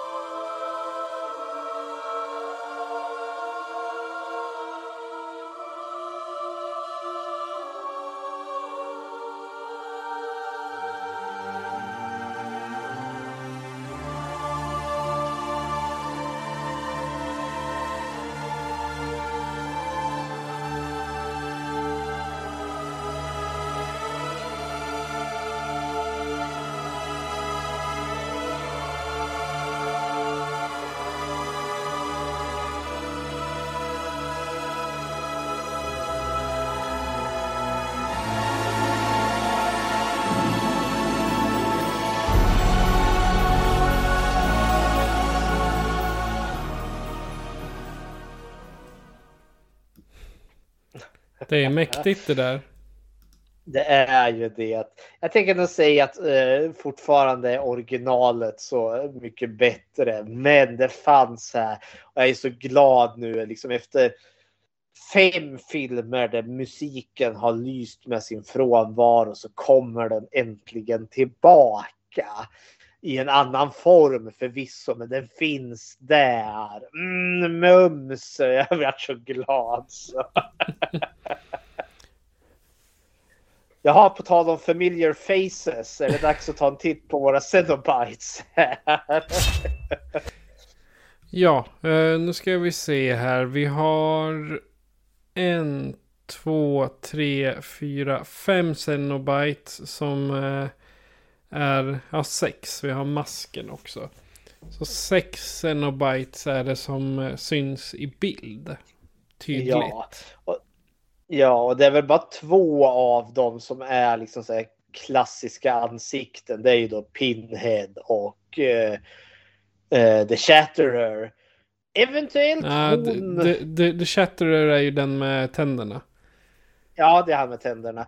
Det slog mig det, det är en tredje. Hon med eh, den öppna halsen. Hon är ju med i första filmen också, men hennes eh, öppna hals inte så jäkla stor. Nej. som, det, som det är i den här filmen. Jag kommer inte ihåg ja, vad den heter. The Weeper nej. tror jag det är. Eller är det The Weezer? Ja, sak samma. Det, de nämns aldrig riktigt vid namn. Pinhead nämns aldrig vid namn heller. Den heter The eh, Priest bara. The, the, the Hell Priest. Ja, The Eller Priest står det på ja, IMDB. ja, ska vi ta Pinhead först. Ja. Det här är ju en ny adaption med en ny skådespelare. Eh, det är inte första gången. Det här blir ju tredje personen att spela Pinhead. Först har det ju varit Doug, Doug Bradley där som spelar Pinhead i de åtta första filmerna och det är ju han som har varit mest ikonisk. Då. Sen var det den här Hellraiser Revelation. Den var ganska dålig. Sen var det Hellraiser Jud- Jo. och sen var det Hellraiser Judgment som jag tyckte var ganska trevlig. Och nu är det ju då Jamie Clayton som spelar uh, Pinhead, The Priest. Ja. Vad, ty vad tycker du om Pinhead i den här filmen? Pinhead i den här är lite mera, är mer ljusröstad. Konstigt. Eh, men Pinhead i den här har mera den här eh, auran av att Pinhead är där för att bestraffa dig. I de första då är Pinhead bara där för att jävlas med dig. Det är lite one-liners och liksom. Men här så Pinhead straffar dig för när du är girig. Och när du vill ha Ja, som eh, Voight, han vill ha någon resurrection eller om du vill ha någon av de där rikedom eller så. Men då, de är där för att, att straffa dig för du ska inte vara girig på att få alla sådana saker. För de säger ju också till eh, Riley, hon säger att hon inte vill ha någonting. Så du vill leva ett liv i ånger. A life in regret. A life in lament. Ja, exakt. Som är då den första, the lament configuration där. Uh, ja, nej men Pinhead. Jag gillar uh, karaktären. Karaktären är så jäkla ikonisk i sig. Uh, och det är det här som är det luriga när man har haft en, en skådespelare som har gjort en väldigt ikonisk roll. Som just Pinhead för det, det, här är ju inte, det är det här som är det svåra. Har vi Jason eller Michael Myers, där kan ju olika skådespelare med lätthet göra den rollen eftersom att karaktären är stum och vars ansikte, liksom utseende, är gömd bakom en mask. Pinhead är ju ändå som talande roll eh, med liksom men väldigt liksom, säregen personlighet. Det är ungefär som Freddy Krueger. Det är också ett problem när någon annan än Robert Englund ska spela eh, just den karaktären. Här tycker jag de har lyckats väldigt väl. För Pinhead, dels också i och med att de byter kön på Pinhead. Han går ju från man till kvinna även om liksom de kvinnliga dragen hos Pinhead inte är särskilt framträdande. Eh, och det är väl också det som är grejen. Eh, Pinhead eller the, the Hell Priest som jag tror karaktären benämns som i, i Clive Barkers bok The Hellbound Heart. Där beskrivs ju den karaktären som väldigt androgyn det är svårt att avgöra om det är en man eller en kvinna liksom karaktären har båda, både maskulina och feminina drag.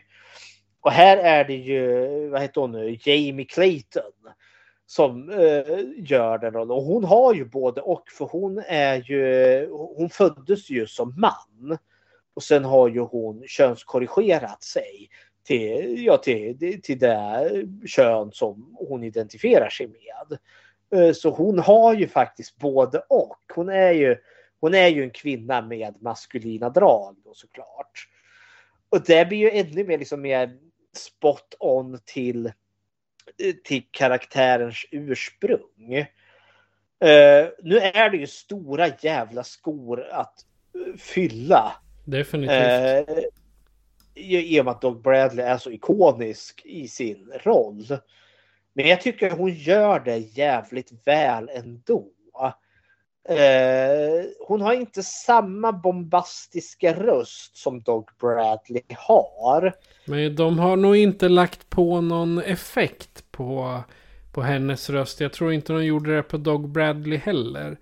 Så jag tror det är där. Eh, na naturligt så har hon ju inte samma eh, samma mörka stämma som Bradley. Nej. Men hon, hon ger en känsla utav, alltså det är en mystisk karaktär. Alltså den, eh, eh, som du säger, straffar en eller något sånt där. Liksom att det här är en karaktär eh, som man... Det går inte att lita på den här karaktären, men alltså det, det är en karaktär som har spelregler som den förhåller sig till. Men du vet inte nödvändigtvis vad de reglerna är. Det är som en väldigt förvriden anden i lampan. Det liksom, där du kan få en önskan uppfylld av den. Men du har ingen jävla aning om vad det är du får för Pinhead, Cenobitens alltså, alltså tolkning utav vad som är lycka, erotik, skönhet. Det är så in i helvete väsensskilt ifrån oss. Och det, det tycker jag de har lyckats fångat väl med den här just med Cenobitesen överlag. Att de är, de är så väsensskilda ifrån oss. Det, är det verkar som att möta en utomjording från en helt annan kultur som vi bara inte kan förstå. Men Pinhead är någon form utav brygga mellan Cenobiten och den mänskliga världen eftersom att Pinhead är den som kan alla Cenobiten kan ju prata men Pinhead är ju den som söker kommunikation som är den som frestar, pratar på, på ett helt annat sätt än vad de andra Cenobitesen gör. För jag, jag har en fundering här. Eh, när Riley som sagt, när hon håller på med boxen precis i början. Då kommer ju knivbladet men missar hennes hand. Eh, senare i filmen tänker hon ju slänga boxen ner från en bro ner i, ner, ner i en flod. Då känns det ju som att Pinhead gör någonting för då, då kommer det plötsligt upp ett knivblad där och skär henne i handen. Så då, då har ju boxen blodet från henne. Och Pinhead dyker upp. Men istället för att liksom ta henne där och då. Som har hänt vid alla andra tillfällen när folk har skurit sig på boxen så, så, så ger ju Pinhead henne möjligheten att ja, två personer till. Sen så, eh, eh, så, så kan du få din önskan uppfylld. Jag undrar vad är det som händer där? Någonting händer ju där utöver det vanliga. Pinhead ändrar spelreglerna där lite för Riley. Varför sliter de inte bara henne i stycken som de gör med alla andra som skär sig på boxen. Jag vet inte om hon... Eh, ja du, det var svårt. Jag har faktiskt inte... Där, där är det ju någonting. Hon ser, eller Pinhead ser någonting i Riley. Som eh, uppenbarligen inte finns. Alltså jag tror att Pinhead inte har... Riley vill inte ha någonting.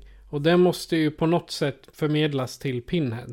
Vilket betyder att Pinhead istället får använda henne som en bricka i spelet att fånga in andra som är giriga.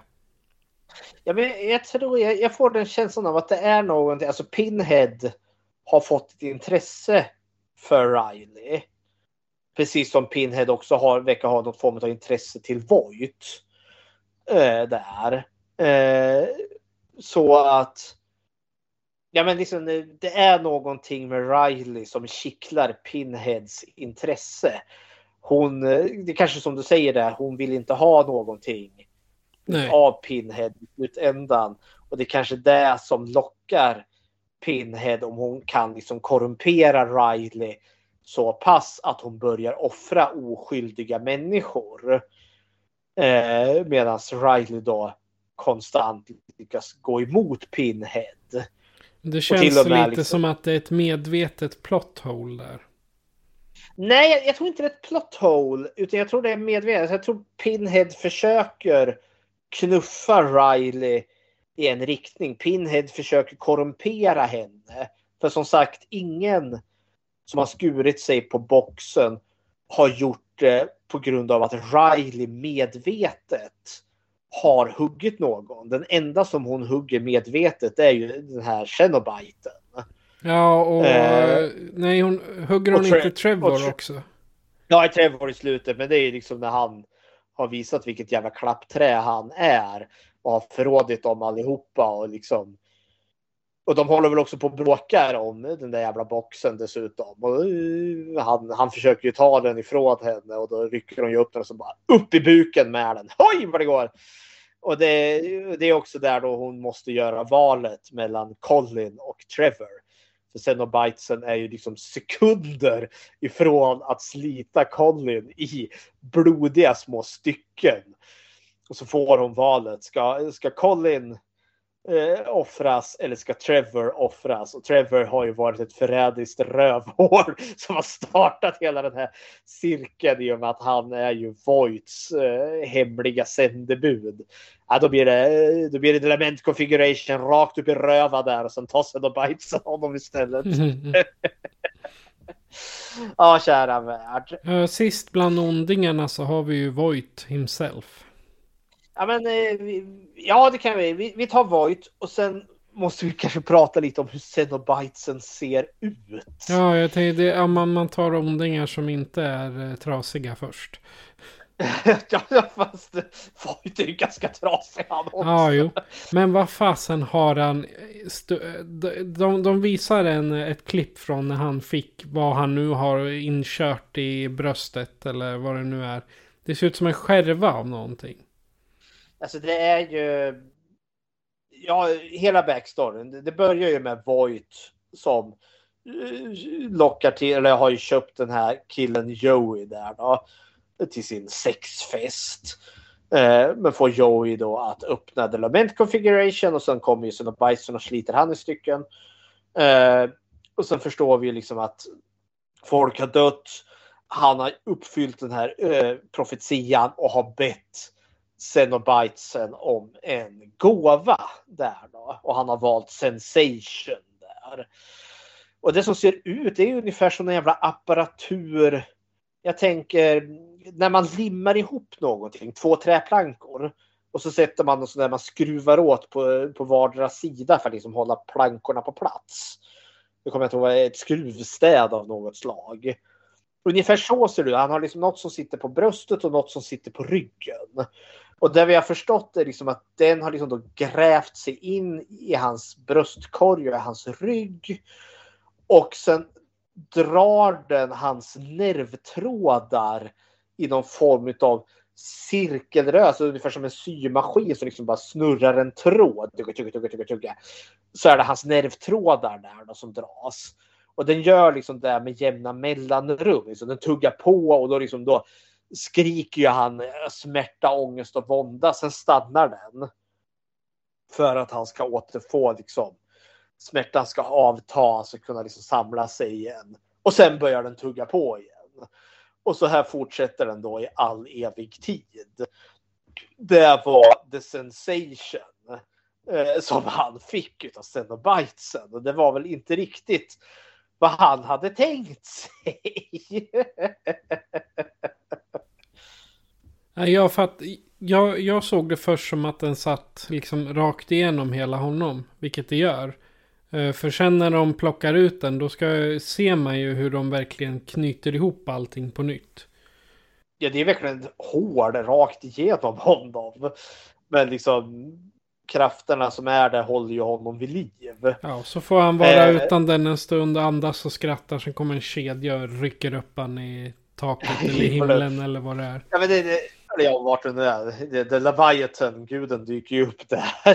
Ja, men det är ju det här att det var något jag gillade. För hans plan, han har ju, hållit, han har ju haft den här hemska apparaturen i sitt bröst i sex år.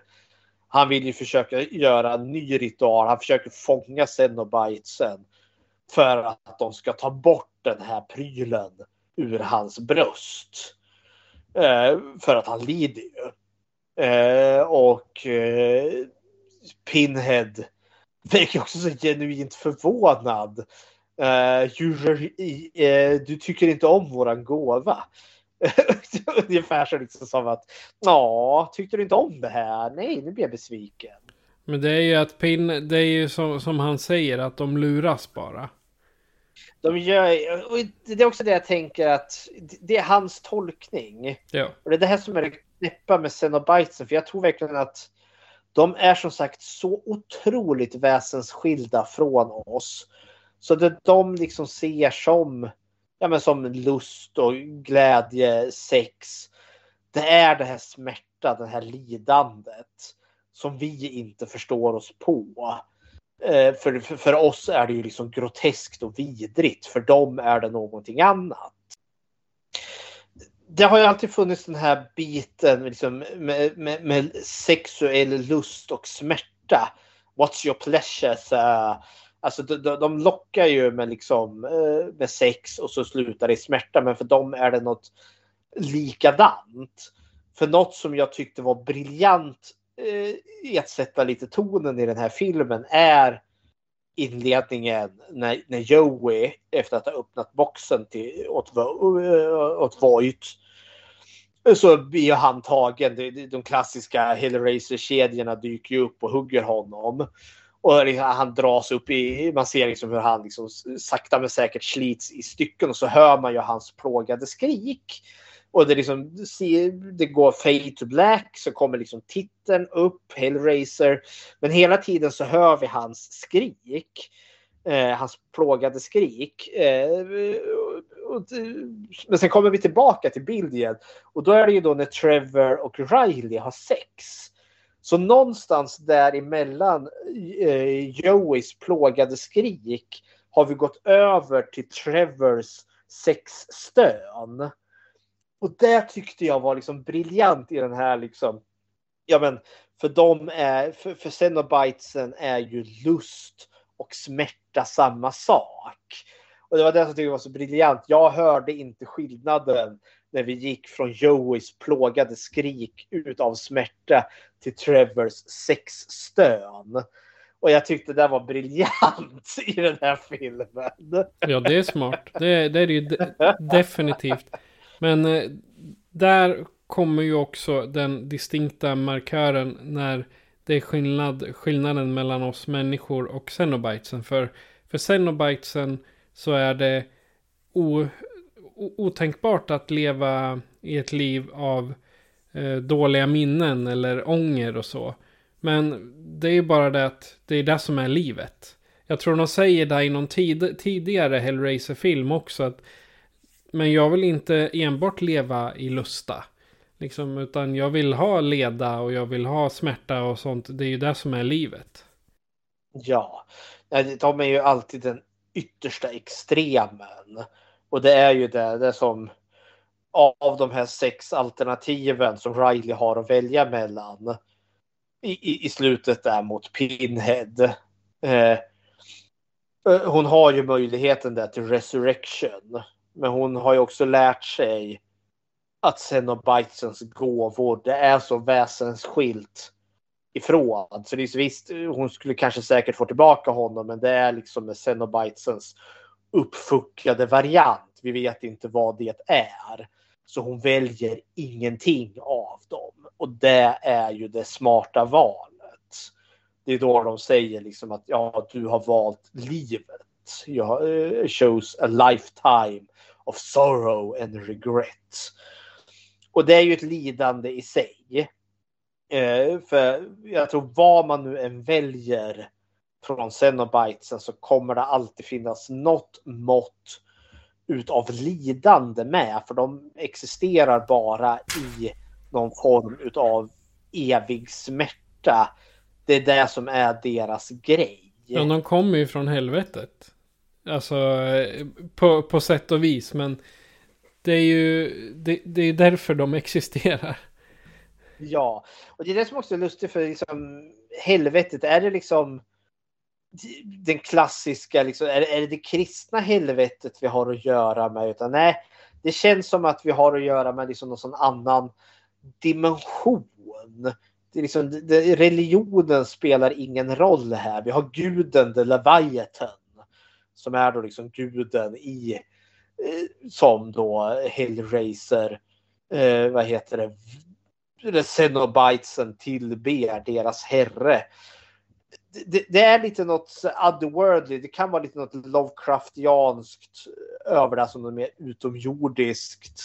Eller bara annat dimensionell varelse. Behöver inte nödvändigtvis vara alltså, helvetets underjord. Men vi förstår ju också i filmens absoluta slut och det här är ju kanon med övriga Hellraiser också. För Voight, han får ju, han blir ju inte av med den här jävla boxen. Han önskar ju liksom, ja men ta, låt mig bara dö så jag slipper det här. Och så säger jag nej, han kan inte, de kan inte ta bort det, men han kan få en ny gåva istället. Och då väljer han ju då Leviathan, power. Och då gör de ju honom till en Cenobite, den här stora kedjan som sätter sig i bröstet och drar upp honom i himlen och sen får vi se han i slutet där och han bara slits i någon konstig förvriden variation av sig själv. Och så ändras ögonen från normala blå eh, ögon till de här korpsvarta ögonen. Och förstår att åh, där blev han en Cenobite. Och då förstår vi att de andra Cenobitesen är ju också människor som säkert har gjort hela den här jävla offerritualen och sen då valt power i slutändan. Vi, är något jag också känner att vi måste prata om. Det är hur Xenobitesen ser ut i den här filmen. Okej. Okay. Ska vi börja med, ska vi börja med Pinhead som eh, tar ungefär fyra timmar och sätta på och två timmar att ta av och så vägde den så jäkla mycket att de knappt kunde gå i den. Stackarn.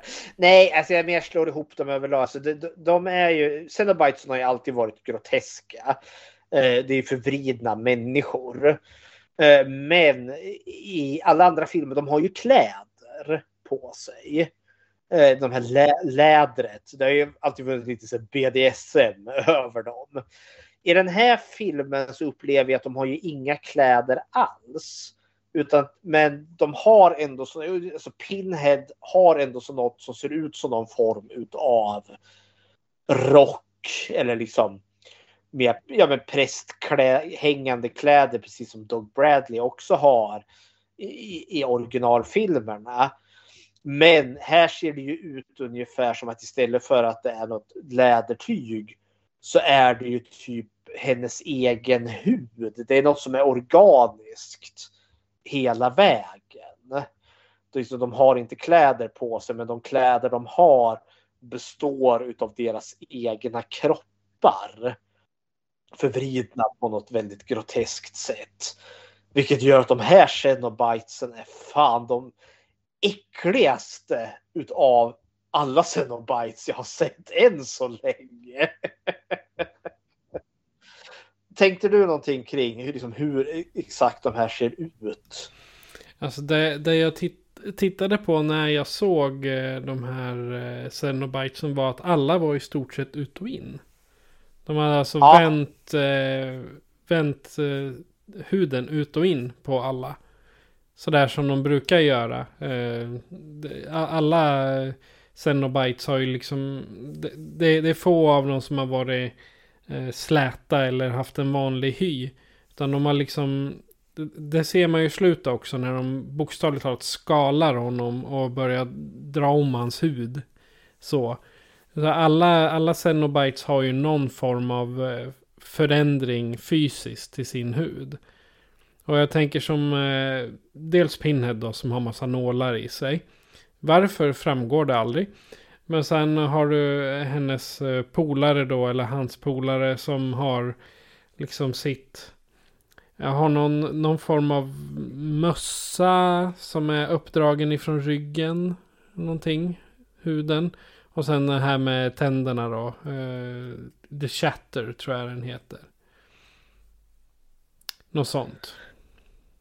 Ja, men det är det som är just det groteska, liksom att de använder enbart kroppen för att skapa de här förvridna, vidriga varelserna. De blir så jäkla mycket mer mardrömslika i den här filmen. ja, kära värld. Ja, nej, nu hade jag inte mycket mer om uh, de här uh, otäcka varelserna. Men då kan du få göra Bechdel-testet nu då. Jajamensan, om kvinnlig representation i film. Och vi för ju tesen att skräckfilm är det som klarar eh, Bechteltestet bäst. Eh, fråga nummer ett. Finns det två eller fler namngivna kvinnliga karaktärer? Ja, det gör det. Vi har ju eh, Riley och så har vi också Nora. Och vi har också Serena som är Voights eh, typ second in command. Hon som är där på sjukhuset där som springer hans ärenden. Eh, två, möter de någonsin varandra? Ja, samtliga kvinnliga karaktärer möter varandra. Eh, Pinhead har jag inte räknat med här, för vi får aldrig höra. Hon presenterar sig aldrig. Vi vet ju att det är Pinhead, för att så är det i kanon. Men i, i filmen i sig nämns hennes namn aldrig. Ja, jag tror Verkar att hon, som... uh, Riley säger någonting. I got your priest or whatever you are. Ja, så är det. Hon nämner det någon gång, men det är ju, det är ju liksom inte... Det är inte ett namn, det är ju en titel dessutom. Ja. Så, ja, ja. Fråga nummer tre. Om de möter varandra, pratar de om någonting annat än män? Ja, när de är hos eh, Serena på sjukhuset där så försöker de ju liksom lista ut vad den här jävla boxen är. Eh, och vad den gör. Och Serena försöker ju bara avråda dem från att eh, ja, göra någonting med den här boxen överhuvudtaget. Eh, så ja, Hellraiser 2022 klarar Bechteltestet.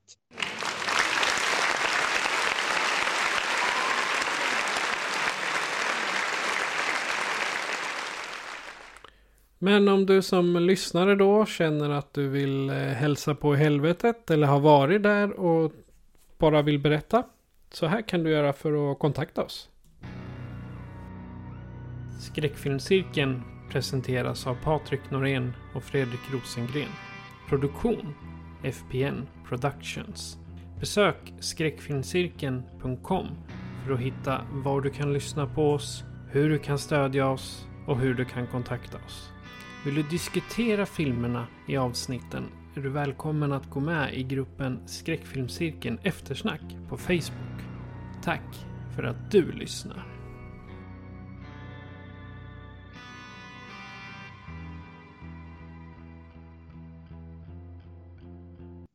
Vi har ju redan lite varit inne på det här. Det skulle vara känslor kring den här filmen. Men ska vi ge oss varsitt slutord och betyg? till den här rebooten. Definitivt, det är ett, en bra avslutning. Jajamensan. Uh, jag hugger direkt här. Uh, väldigt bra reboot, tycker jag. Som gör någonting. Samtidigt liksom, vad heter det, lojalt till, eh, vad heter det, var den kommer ifrån. Men samtidigt gör någonting nytt. Eh, den är smart med att inte använda liksom återanvända karaktärer. Dog Bradley, även om han nu fick erbjudandet om att vara med i någon form av gästspel i den här filmen, så tackade han nej. Så tror jag det är smart att inte ha med någon skådespelare från originalfilmen, utan den här får verkligen vara sin egen. Eh, jag tycker de bygger upp en bra och intressant värld. Det finns all potential till någon fristående uppföljare till den här filmen. Antingen om vi liksom utforskar mer Pinheads eh, origin story eller spinna iväg på något annat sätt. Eh, jag tycker de har lagt grunden jäkligt bra här för att liksom sätta liv i den här franchisen igen. På ett nytt och vettigt sätt. För den här franchisen tappade rejält med fart när den gick över till den här direkt till video uh, utgåvorna. Så det här bådar gott för framtiden. Det här är en stark uh, ja, uh, inte riktigt en fem av fem. Det är inte mästerverk för mig här, men det är en jävligt stark en. Men det är en fyra av fem för mig. Okay. Patrik. Ja, jag skulle nog säga att det här är en fem av fem. Jag tycker det här var en riktigt bra film. Det är inte ofta jag är så insatt i filmen som jag var när jag tittade på den här. Eh, ofta så eh, brukar jag kolla med någon eh, antingen via typ Discord eller eh, om jag har någon hemma och titta med. Då, då brukar vi kunna ha lite kommentarer på filmerna. Den här gången var det tyst. Alltså knäpptyst. Vi såg verkligen hela filmen utan någon form av eh, kommentar eller någonting. Det här var liksom... Jag var fast. Helt fast. Och sånt händer ytterst sällan ska jag säga. Eh, telefonen den, eh, den rörde jag inte. Det händer också att man... Eh, att jag tar tag i den och tittar emellan när det blir för långsamt. Det gjorde det inte. Så att för min del, Hellraiser från i år är en 5 av 5. Det, så är det bara. Eh, jag säger se den. Annars så eh, missar du någonting definitivt. Men det är allt för den här gången. Vad ser vi nästa gång? Vi var redan lite inne på det i senast sedda här. Eh, med Paranormal Activity och sådana saker. Vi ska ta oss en titt på eh, den ganska nya genren found footage-filmer. Eh, och vi ska ge oss i kast eh, med det som kanske brukar räknas som den första found footage, men kanske inte riktigt är det. Blair Witch Project. Så det är vad vi kommer se nästa gång. Är också en av mina absoluta favoritfilmer ska jag säga. Så men eh, då så, det var en eh, helvetiskt, ett helvetiskt trevligt program idag, måste jag säga. Men jag måste säga att vi har inte så mycket mer att säga än att eh, jag heter Patrik. Och jag heter Fredrik. Du har lyssnat på Skräckfilmscirkeln. Adjö på er. Adjöken.